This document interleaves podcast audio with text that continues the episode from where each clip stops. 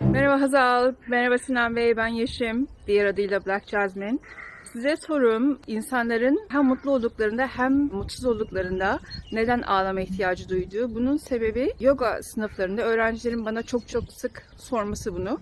O yüzden ben de onlara bir cevap vermek için size soruyorum. Bunu Sinan Bey'den daha iyi kim bilebilir. Kocaman sevgiler, kendinize iyi bakın. Bye bye. Vay Black Yasmin çok teşekkür ediyoruz bu güzel soru için. Siftah sen yaptın. Dolayısıyla bundan sonra tabii ki bu formatta soruları bekliyoruz. 15 saniye geçirmezseniz Yeşim'in yaptığı gibi gayet de güzel olur. Hocam hemen başlamadan Şevval Hanım da sormuş. Benzer soru tipi olduğu için hemen eklemek istiyorum. Demiş ki Şevval Hanım ağlamanın fizyolojisi nedir? Bazı insanlar kolaylıkla yerli yersiz ağlayabiliyorken bazıları neden ağlayamaz? Ve ağlamak neden duygusallıkla ilişkilendirilir?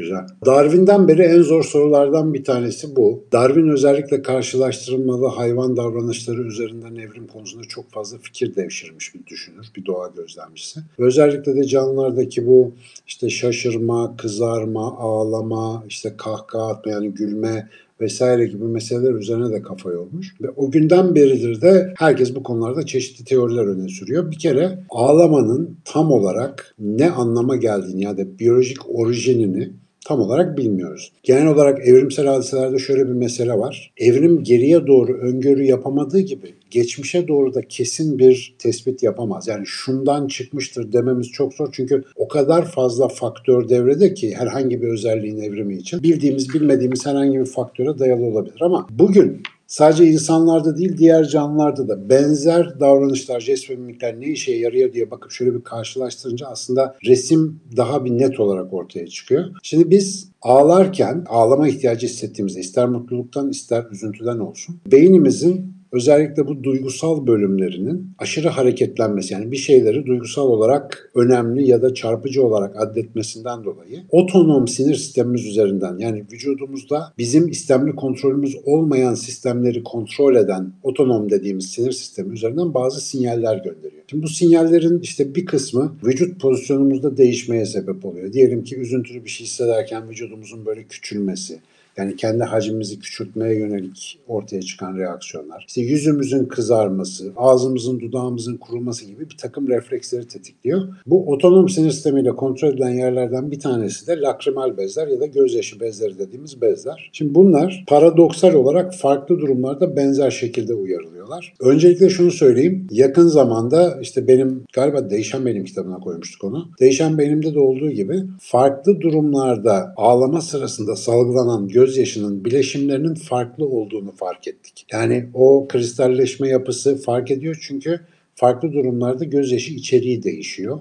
Kimi durumlarda işte başka hormonlar ve kristaller ve iyonlar varken başka durumlarda başka kombinasyonlar sağlanıyor. Ve erkek ve kadın gözyaşı arasında da fark var. Mesela erkek gözyaşında testosteron hormonu bulunabilirken kadın gözyaşında östrojen hormonu bulunuyor. Yani gözyaşı bir kere duruma göre farklı salgılanan bir salgı. İyi de biz bunu dışarıdan yani böyle bakınca göremiyoruz. Sonuçta hepsi bize damla damla su gibi geliyor. Dışarıdan görülebilecek derecede gözlerimizden su dökülme hadisesinin biyolojik olarak en makul açıklaması biz bunu sosyal bir sinyalleşme aracı olarak kullanıyoruz. Yani üzüntülü hissettiğimizde özellikle sesli bir biçimde gözümüzden de sular akacak bir şekilde ağlama reaksiyonu gösterdiğimizde etraftaki diğer türdaşlarımızın merhametini celbediyoruz. Onlar bize yardımcı olmaya çalışıyorlar ve biz hani bir toplumsal yardım isteği göndermiş oluyoruz aslında. Benzer şekilde hani sevinçli, coşkulu hissettiğimizde de bu coşkuyu paylaşmanın hani farklı bir yöntemi olarak. Şimdi normalde gülmeler, kahkahalar falan filan biz bunları yine e, aynı sinyalleşme amacıyla kullanıyoruz. Yani diğer insanlarla beraber daha çok güldüğümüzü biliyoruz. Ama bazı durumlarda bu hoşluk hali de yetmiyor ve farklı bir duygulanım yani ürperme artı sevinç artı tamamlanma duygusunun birlikte olduğu ve bugünkü Türkçe'de karşılığı yokken eski Türkçe'de bir adı olan bir duygu yaşadığımızda ağlıyoruz.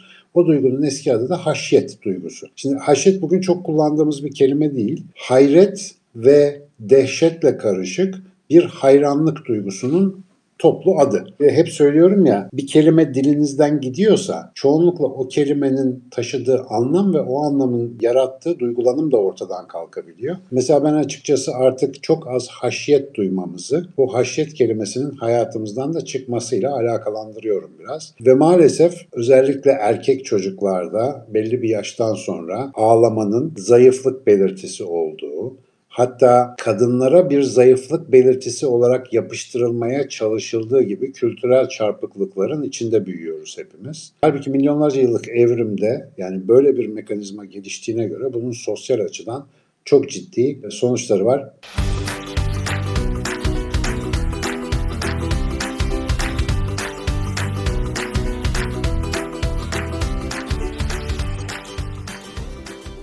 Ya bir tane özel örnek vereyim mi bununla ilgili? Bak geçenlerde bir şey oldu. Yani hiç hesaplamadığımız bir şeydi ama ben muhtemelen ona bağlıyorum bu sonucu. Geçenlerde bir arkadaşlarımızla ders yaparken ya orada konu işte bir bir konuda bir tartışıyorduk. Neyse çok detay vermeyeyim. Onunla ilgili bir anımı anlattım ben. Lise öğrencileriyle ilgili bir anım ve sonunda çok duygulandım. Çünkü gerçekten beni çok duygulandıran bir hadiseydi. Biraz böyle hüzünlendim ve çocuklar bir lisedeki öğrenciler hiç kendi suçları olmamasına rağmen bir öğretmenlerin işgüzarlığı nedeniyle benim bir sunumumdan erken çıkarılmışlardı. Sonra bu çocuklar beni okullarına davet ettiler ve özür dilemek amaçlı olarak bana böyle bir şov hazırlamışlar. İşte benim gitar videolarımı koymuşlar, kalkmış, kalktılar, bağırdılar falan filan. İşte ben bunu anlatırken şimdi bile hala duygulanıyorum ya. Çok özel bir andı benim için. Anlatırken biraz böyle şey oldum tabii. Hani işte biraz ağladım yani. Bir gözlerim doldu falan. Tabii ders sırasında olunca öğrenci arkadaşlar da bundan çok etkilendiler. Bir hafta sonra bana bir enteresan sürpriz yaptılar. Şimdi ben bunu anlatırken de duygulanırım. Siz dediler işte bu kadar şey yapıyorsunuz. Hani bu kadar bu işi önemsiyorsunuz. Yani o hadisede beni duygulandıran şey o çocukların bunun üstlerine görev edinmesiydi ve yani sonuçta benim gözlerimi dolduran şey yani ne kadar zorlukla karşılaşırsam karşılaşayım böyle insanlar olduğu için umut etmeye devam etmek zorundasın. Devam etmeni sağlayan çok büyük bir güç bu. Duygusundan dolayı aslında duygulanmıştım. Onlar da bunu enteresan bir mesaj olarak aralarında almışlar. Bana hiç haber vermeden Gelibolu Ormanı ağaçlandırma çalışmasına 112 tane fidanı bağışlamışlar. Bir de benim adıma sertifika göndermişler. Onu da sosyal medyada paylaştım zaten. Bakın bu hadiseler hani böyle biraz nasıl diyelim içindeyseniz, biraz kaptırıyorsanız herkesin tüylerini diken diken eder. Herkesin gözlerine biraz böyle ıslanma getirir, nemlendirir gözlerini.